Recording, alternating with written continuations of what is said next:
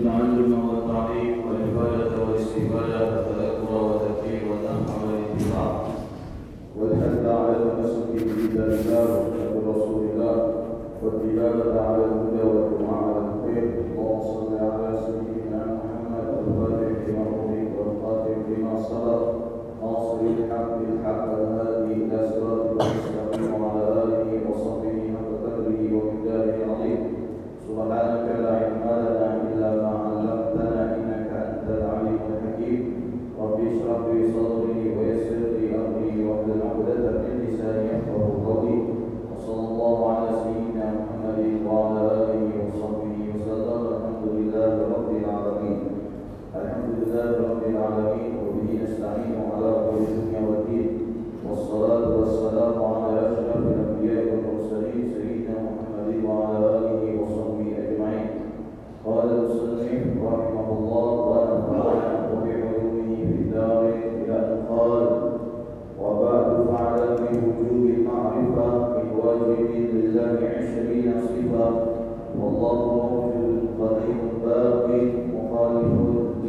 للخلق بالإدراك وبعد فاعلم بوجوب المعرفة dan kita bahas bagaimana kewajiban kita bermakrifat kepada Allah dan makrifat kepada Allah itu memiliki tingkatan yang sebagaimana telah kita bahas pada pertemuan sebelumnya ada makrifat secara hakikiyah ada makrifat secara hakikiyah yaitu makrifatnya Allah kepada dirinya sendiri dirinya sendiri. Ada makrifat al-ayyaniyah seseorang bisa mengetahui Allah dengan wujud aslinya dan ini masih diperdebatkan oleh para ulama. Apakah mengenal Allah mengetahui Allah sebagaimana kita bisa melihat wujudnya manusia ketika di dunia nanti di surga? Atau hanya melihat Allah melalui ainul basirah yaitu mata batin. Dan ini teristimewa bagi siapa? Ma'rifatul ahli jannah. Ma'rifatnya kepada Allah penduduk surga. Sesuai dengan dalil dalam Al-Quran wujuhu yawma idzin nadhirah ila rabbiha nadhirah di mana pada hari itu wajah mereka itu berseri-seri. Pada hari kiamat siapa ahli surga karena pada saat itu Allah menampakkan dirinya ketika mereka berada di dalam surga. Wujuhu yawma idzin na'imah lisa'iha radiyah. Di mana wajah mereka pada saat itu ketika seseorang mendapatkan kenikmatan maka wajahnya itu akan bergembira. Kenapa mereka bergembira? Karena pada saat itu mereka termasuk golongan orang-orang yang diridhoi. Wujuhu idzin musfirah dhahikatun mustabsyirah. Pada saat itu gambaran wajah penduduk ahli surga itu ya mereka semuanya akan tersenyum. Kenapa tersenyum?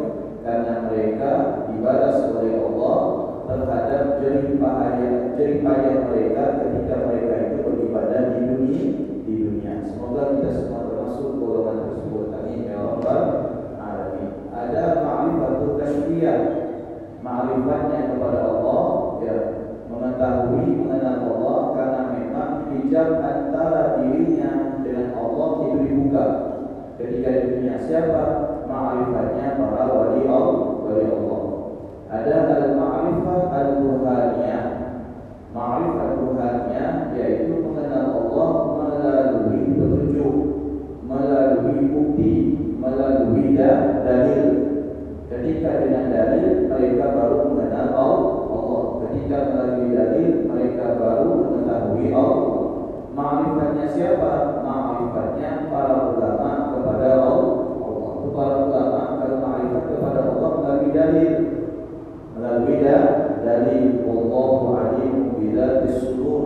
Allah Maha mengetahui apa-apa yang ada atau terlintas di dalam setiap hati kali kalian. Berarti dia ma'rifat kepada Allah kalau Allah mengetahui apa yang ada di dalam hati manusia manusia. Miwajibin wa huwa al-thabit alladhi la yaqbalu ittifaq. sifat wajib bagi Allah itu adalah sebuah ketetapan yang tidak bisa lagi tawar menawar. Artinya kita sebagai mukallaf orang yang muslim, balik, kemudian berakal, kemudian kita memiliki panca indera yang sehat disebut dengan mukal mukallaf. Kenapa? Karena kita wajib untuk menjalankan kewajiban kita kepada Allah. Makanya kita disebut mukallaf. Mukallaf itu artinya orang yang dipaksa untuk menjalani syariat. Kenapa dipaksa? Ya, supaya dia mengenal Allah. Dipaksa sholat, dipaksa puasa, dipaksa ibadah, dipaksa mengeluarkan zakat. Kita ini dipaksa. Kalau tidak dipaksa, kita tidak akan mengetahui atau bisa mengenal Allah. Apa tujuan kita sholat? Tujuan kita sholat supaya kita mengenal siapa yang selama ini kita sembah. Kenapa kita dipaksa untuk berpuasa? Untuk kesehatan dan keselamatan jasmani dan rohani kita. Kenapa kita disuruh membayar zakat? Untuk keselamatan harta kita. Kita dipaksa semuanya. Andai kata itu semua tidak dipaksa, ya, atau barangkali tidak diberikan ancaman oleh Allah, niscaya sedikit sekali orang yang akan beriman kepada Allah. Ya, sulit sekali atau sedikit sekali orang beriman kepada Allah. Makanya kita itu dipaksa. Sampai-sampai para nabi-nabi terdahulu bagaimana memaksa umatnya agar senantiasa agar senantiasa beriman kepada Allah, dipaksa umatnya. Ya bahkan para nabi-nabi terdahulu mereka itu andai kata ada dari umatnya yang tidak beriman kepada Allah, mereka doakan supaya mendapatkan butuh kutukan. Tuh nabi-nabi terdahulu beda dengan Nabi Kalau Nabi Muhammad ketika ada umatnya yang beriman didoakan supaya mendapat hidayah. hidayah. Tapi kalau nabi-nabi terdahulu apa kata Nabi Allah Ibrahim? Ya, wa man yudlil wa man yudlil fa innahu wa wa man yu'min fa minni wa yudlil Barang siapa yang beriman maka sesungguhnya dia termasuk daripada golongan kami. Wa man yudlil barang siapa yang tersesat daripada jalan kami kata Nabi Allah Ibrahim ya. Apa kata Nabi Allah Ibrahim? Sesungguhnya agamamu sangat ber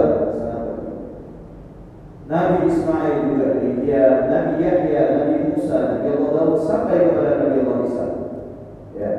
Nah itu umat-umat terdahulu dipaksa sampai diceritakan ketika Nabi Musa alaihi salatu wasallam diangkat ke oleh Allah untuk beberapa masa itu amanah diemban kepada Nabi Harun saudaranya. Ya. Harun saya sebentar lagi panggil oleh Allah. Nah, untuk melanjutkan tugas kenubuahan ini dan kerasulan saya serahkan kepada kau ini urus nih Israel diurus. Supaya mereka tetap dengan keimanan mereka. Berangkat Nabi Allah Musa dipanggil oleh Allah ada yang mengatakan 40 hari ada yang mengatakan 40 tahun. Berangkat dipanggil oleh Allah. Ternyata begitu. Sekembali Nabi Allah Musa didapati para Bani Israel ini menyembah siapa? anak sah sapi. Ya, menyembah anak sah anak sapi. Anak sapi disembah dibuatkan patung dari emas kemudian disembah. Apa reaksi Nabi Allah Musa ketika melihat Bani Israel seperti ini? Maka kemudian Nabi Allah Musa marah murka sampai dikatakan dalam sebuah riwayat itu kepalanya Nabi Allah Harun oleh Nabi Allah Musa ditarik seperti ini Gimana kalau kita tahu sama Ya Dijabat rambutnya Nabi Allah Harun sama jenggotnya. Kalau bahasa kita kenapa bisa begini? Saya tinggal sesaat, mereka beralih di dia kita. Nah di situlah bagaimana Bani Israel itu tersesat selama-lamanya. Makanya jangan kita mengira ketika Nabi Allah Musa dan Nabi Allah Harun selamat daripada kejaran Fir'aun itu Bani Israel mendapatkan kabar gembira tidak justru Bani Israel pada saat itu tersesat selama berapa tahun? Selama 40 tahun. Tersesat sampai ya di apa namanya? Di daerah Mesir itu.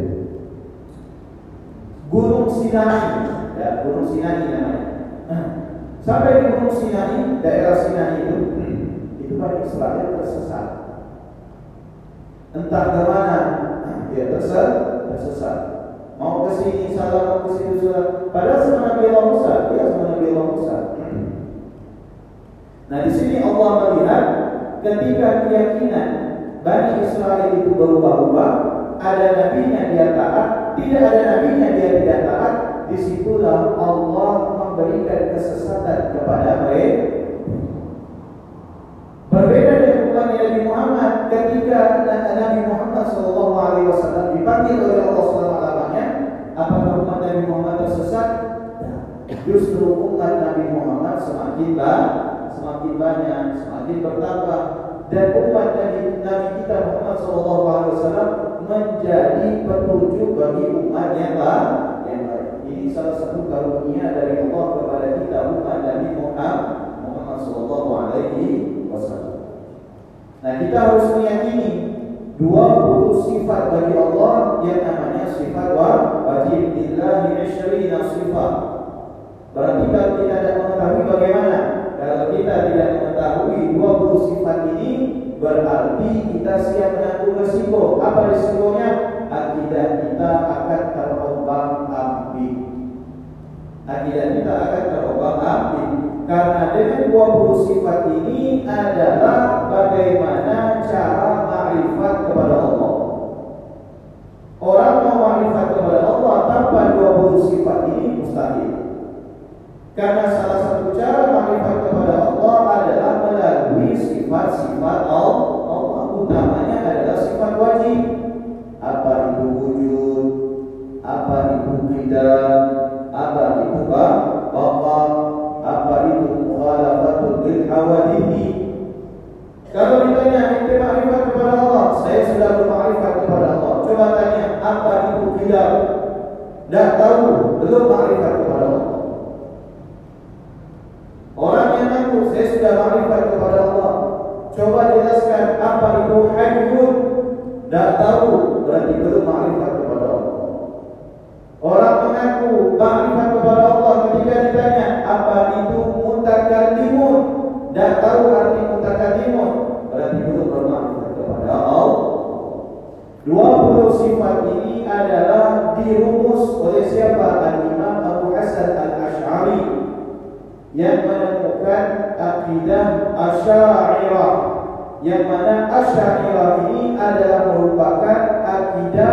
Yang dianut oleh sebagian besar umat muslim sedunia. Kalau kita pergi di sini Indonesia mengenal yang namanya sifat 20, betul tak? Kita pergi ke Malaysia ada orang belajar sifat 20. Kita pergi ke Afrika ada orang belajar sifat 20. Kita pergi ke Yaman, kita pergi ke Timur Tengah, kita pergi ke Eropa, ke Turki, ada orang yang belajar sifat 20, sifat 20. Kenapa? Karena mempelajari sifat 20 ini di dalam ilmu tauhid hukumnya wajib. Karena ini berkaitan dengan akidah. Andai kata kita tidak mau tahu dengan sifat 20, maka berarti kita tidak mengenal yang namanya Allah. Kalau kita mau tahu, mau ingin bekerja di suatu perusahaan, kita harus mengenal karakter perusahaan. Betul tidak? Kita harus mengenal perusahaan punya target, perusahaan punya aturan, perusahaan punya tunjangan, punya bonus, dan juga perusahaan punya risiko. Betul tidak? Semua perusahaan seperti itu ada aturan aturannya. Dan mungkin tiba-tiba kita dimasukkan dalam suatu perusahaan sementara kita tidak mengetahui bagaimana karakter aturan dan sebagainya yang ada di dalam perusahaan terus kalau kita masuk ke perusahaan itu kita mau ngapain? Mau bengong, mau ngelamun. Sementara kita tidak mengenal bagaimana berusaha perusahaan. Ya, yang masuk PNS harus menguasai hukum ke pemerintahan. Yang mau masuk ke perusahaan manajemen harus mengkaji manajemen, harus mengantongi ilmu manajemen. Dan mungkin ya kita telah di perusahaan jabatan manajemen, tapi kita cuma mengantongi ilmu pertukangan atau ilmu tentang Mustahil, mustahil. Begitu juga dengan yang namanya makrifat kepada Allah. Kita ini makrifat kepada Allah. Bagaimana? Harus mempelajari sifat wajib bagi Allah. Karena sifat wajib bagi Allah ini menentukan keimanan kita kepada Allah. Kita tidak belajar sifat wajib bagi Allah, ada orang yang bertanya kepada kita, ente yakin tidak sama Allah? Yakin? Coba tunjukkan mana Allah. Coba buktikan mana Allah. Dikata yang seperti itu dia juga ya, saya tunjukkan. Coba dia tunjukkan mana handphone, ini handphone ada, air ada. Mulai dia ragu. Mulai ragu, mulai ragu. Akidahnya mulai bimbang. Akhirnya balik ke rumah ditanya sama istri, udah makan pak?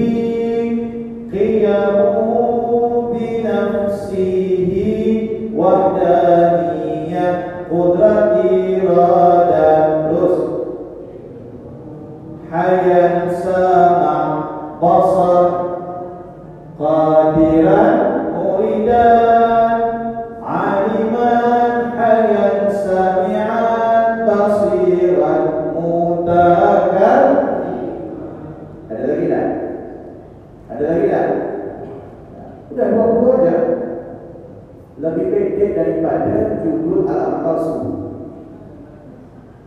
ya lebih pendek daripada judul alamat palsu panjang 4 menit dari baru habis. Tapi apa lagi masa lagunya alamat palsu? Ya, dari kecil lagunya alamat palsu. Ya.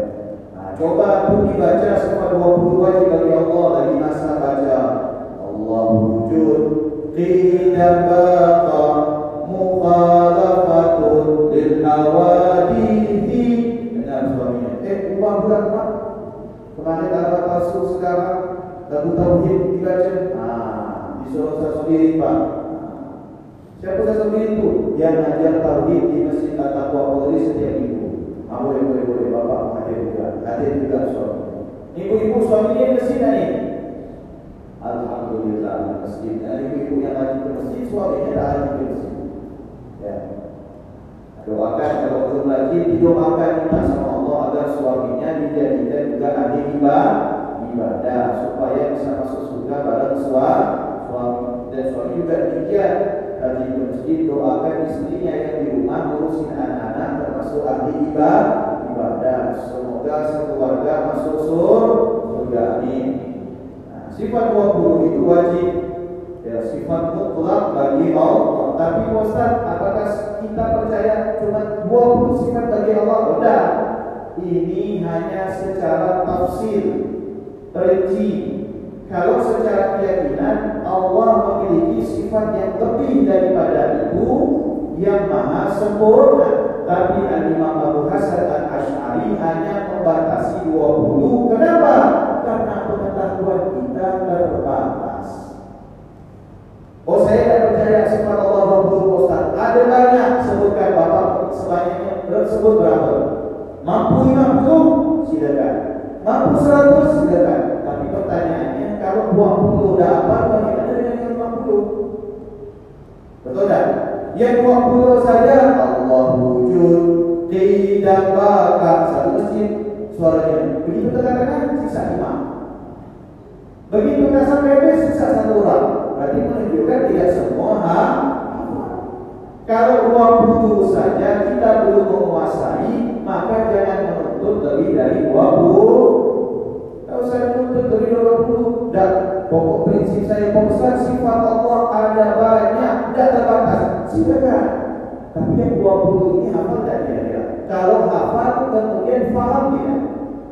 Kalau sudah kita menghafal sifat 20, kemudian kita pahami apa makna dari sifat 20, barulah kita itu boleh menyatakan bahwasanya Allah Subhanahu wa taala memiliki sifat yang sempurna, sempurna tidak terbatas. Jelas ya? Pak Buya jelas ya? Oke. Kemudian wa mimma yajibu lillahi ta'ala tafsiran 'ala kulli mukallafin an ya'rifa 20 sifat. Maka sesungguhnya wajib setiap orang mukallaf untuk mengetahui sifat wajib bagi Allah secara terperinci daripada 20 sifat. Mula-mula wujud, apa itu wujud? Qidam, baqa sampai selesai. Ma'al i'tiqad Allah kamalan la tatanaha. Sambil berkeyakinan bahwasanya Allah Maha sempurna yang kesempurnaannya itu tidak terbang, tidak terbatas. Sifat thabitatun bidalil al-aqli wa naqli. Sifat 20 ini adalah sebuah ketetapan yang ditetapkan dengan dalil akal ya dalil akal ini dalilnya masuk akal gitu. dalilnya masuk akal masuk akal dan dalil naqli dalil keyakinan yang didukung dengan dalil-dalil baik di dalam Al-Quran maupun di dalam hadis. وتدل في كل أسماء الحسنى فيما الحكم بما الشرعي أو عقلي أو عادي. Secara kesempurnaan hukum itu ada tiga. Ingat, hukum itu ada di tiga. Hukum itu bagaimana? Hukum itu terjadi karena ada sebab. Betul tidak? Seseorang terjadi berdiri karena ada sebab. Kenapa? Sebab dia berdiri, berdiri itu hukum. Dihukumi seseorang itu berdiri karena dia dalam keadaan posisi berdiri. Ada sebab tidak dia berdiri, ada sebabnya. Sebab dia berdiri, misalkan dia mau beranjak pergi atau dia mau mengambil sesuatu yang menjadikan orang itu harus berdiri, berdiri itu hukum. Jelas ya?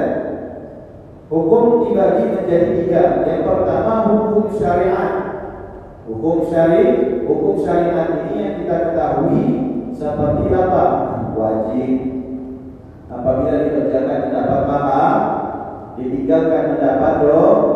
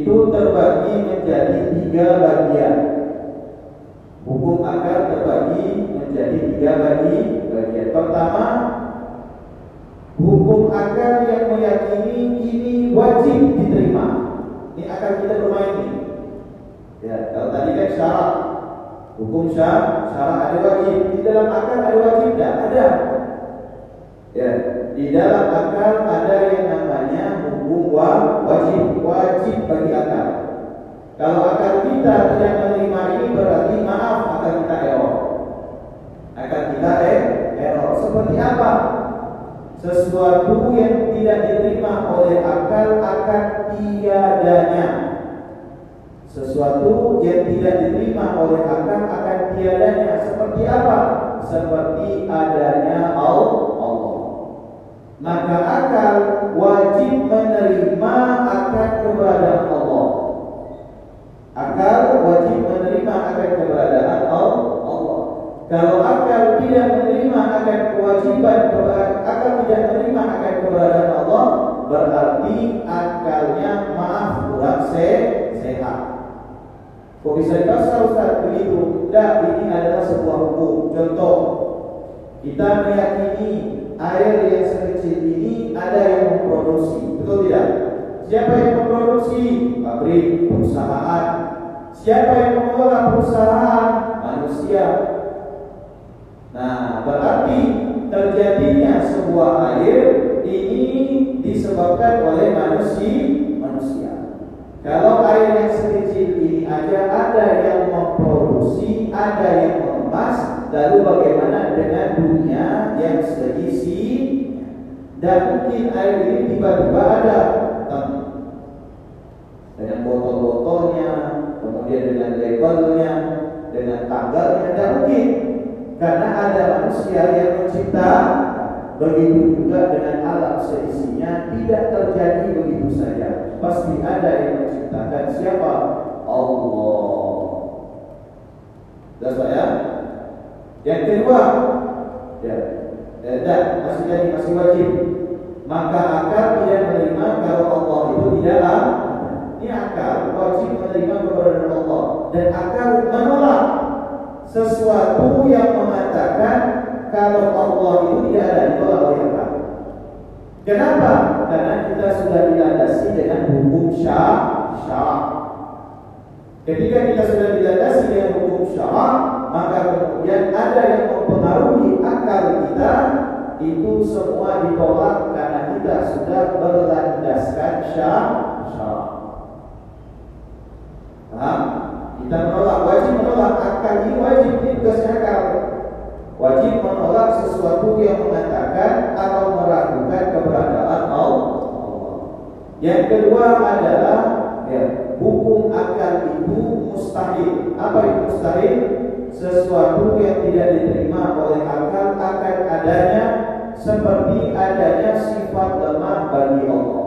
Ini akal langsung menilai mustahil. Andai kata ada orang yang mengatakan, ada orang yang mengatakan apa?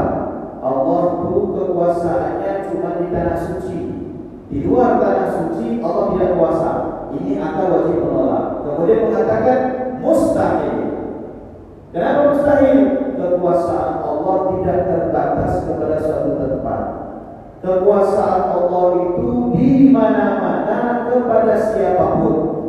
Baik kepada orang yang ada di tanah suci maupun kepada kita yang berada di kota Madian, Pontianak, dan di mana-mana itu kekuasaan Allah ada kekuasaan Allah dan tidak terbang, tidak terbatas. Maka kita memiliki hukum apa hukumnya? Menolak sifat-sifat mustahil atau sifat yang menunjukkan akan lemahnya Allah Subhanahu wa taala. Kemudian yang ketiga, jadis sifat sifat jadis sesuatu yang diterima oleh akal akan adanya dan tiadanya. Sesuatu yang bisa bisa diterima oleh akal akan adanya dan tiadanya. Seperti apa? Besok, lusa, minggu depan. Itu bisa terjadi, bisa di, bisa tidak. Kembali lagi kita apakah kita akan menemui besok? Apakah kita akan menemui lusa? apakah kita apakah kita akan hidup sampai minggu depan itu semuanya kembali kepada sifat jahis artinya bisa terjadi bisa tidak yang berkaitan dengan Allah apa seperti sifat Allah Subhanahu wa taala marah Allah tak dia saat marah ada saatnya Allah itu marah bisa terjadi bisa di tidak kalau misalnya kita beribadah kepada Allah Allah tidak marah kalau kita tinggalkan ibadah kita kepada Allah, Allah akan marah. Ini sifat jahis. Bisa terjadi bagi Allah, bisa di. Jadi jelas? Yang pertama hukum syarak, yang kedua hukum akal, yang ketiga adalah hukum adat kebiasaan. Ada hukum adat terbagi menjadi empat bagian. Hukum adat terbagi menjadi empat bagi empat bagian. Yang pertama, ini hukum kebiasaan. Terjadi ini karena kejadiannya seperti ini. Contoh yang pertama apa? ada dengan ada. Sesuatu itu ada karena ada yang dilakukan. Seperti apa? Seperti kenyang. Orang kenyang sebab apa? Sebab makan.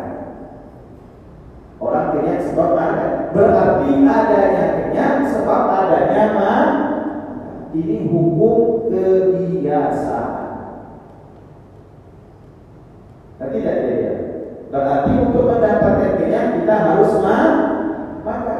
Tidak mungkin orang dapat kenyang tanpa makan.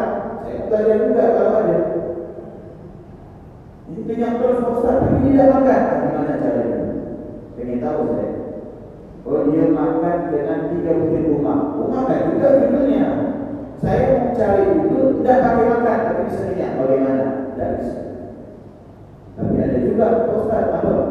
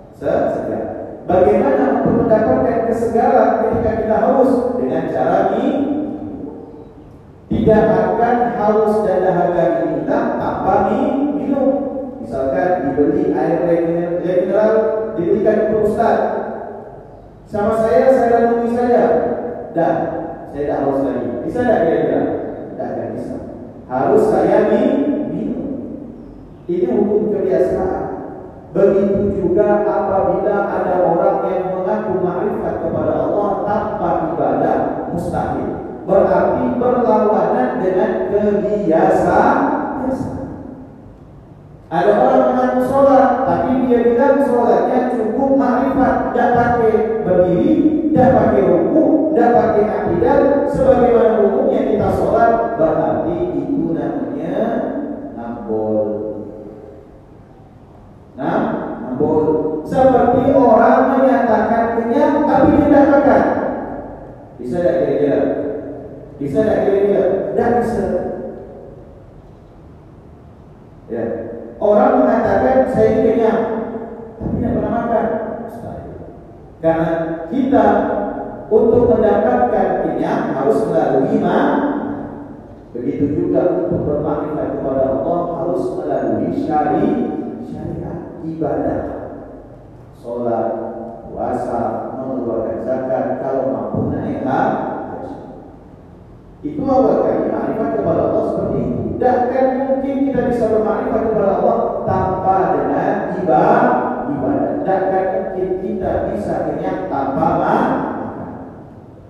sholat dia pakai marifat. Kepada Allah. Tanpa sholat dia bisa marifat. Giliran makan dia tidak pakai marifat. Coba makan suka marifat. Nah tuh.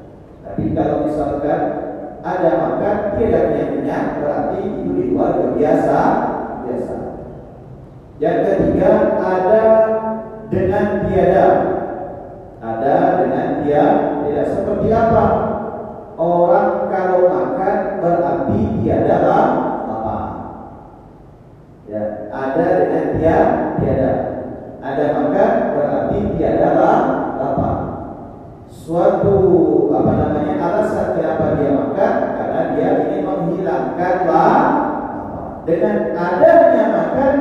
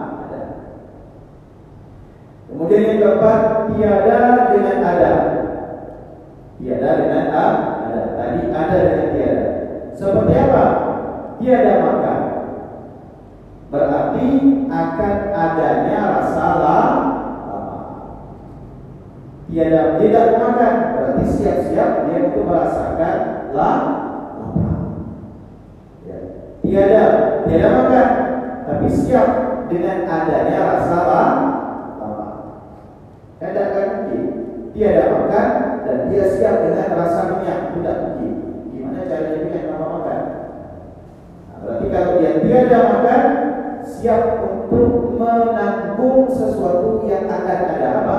Yaitu rasa rasa. Nah itu tadi pembagian hukum. Hukum terbagi menjadi tiga. Ada yang namanya hukum syarak, ada yang namanya hukum akal, ada yang namanya hukum a, hukum ada. Sudah?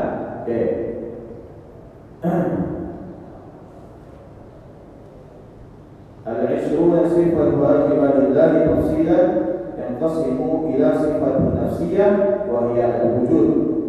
Nah, kemudian sebagaimana yang telah dijelaskan tadi bahwasanya sifat Allah itu ada dua buah, ada dua buah. Sifat dua buah bagi Allah dibagi lagi terbagi menjadi berapa? Terbagi menjadi empat. Dua puluh sifat terbagi menjadi empat. Ada yang namanya sifat nafsiyah, ada yang namanya sifat salbiyah, ada yang namanya sifat ma'ani, ada yang namanya sifat ma'nawi.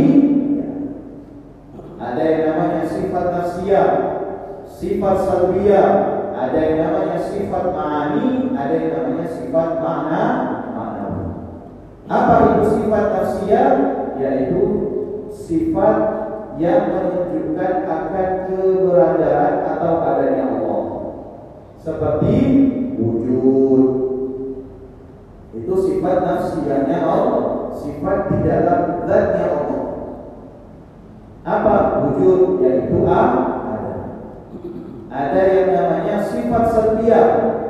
Sifat setia itu seperti tidak baqa mukhalafatul lil hadathi qiyamu binafsihi dan wahdani wahdani. Ada berapa tadi? Ada di ada lima.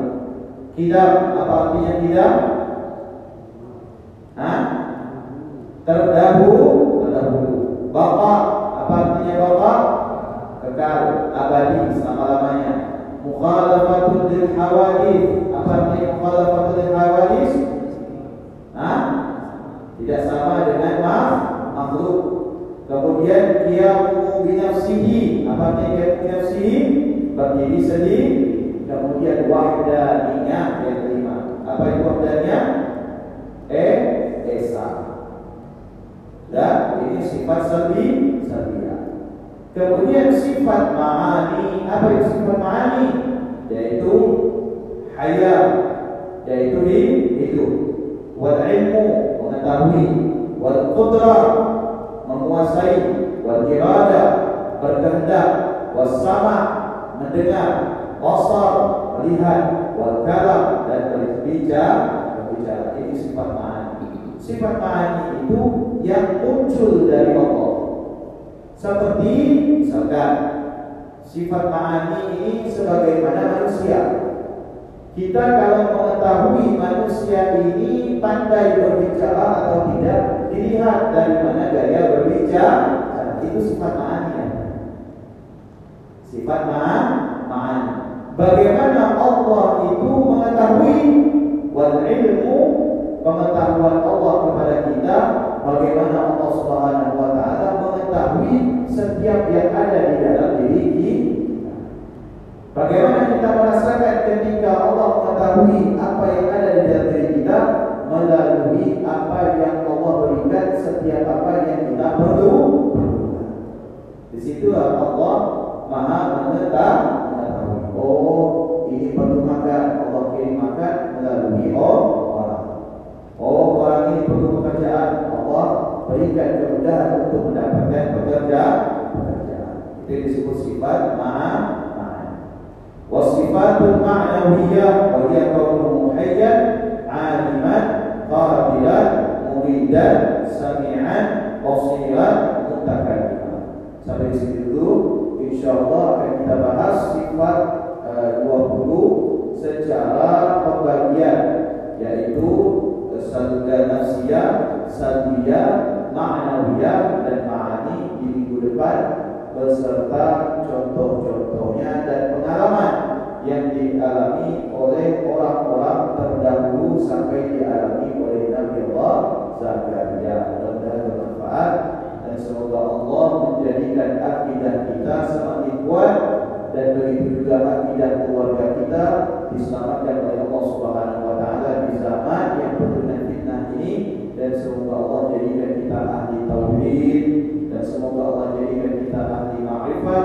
dan semoga Allah membimbing kita ke jalan yang lurus di dunia dan di akhirat.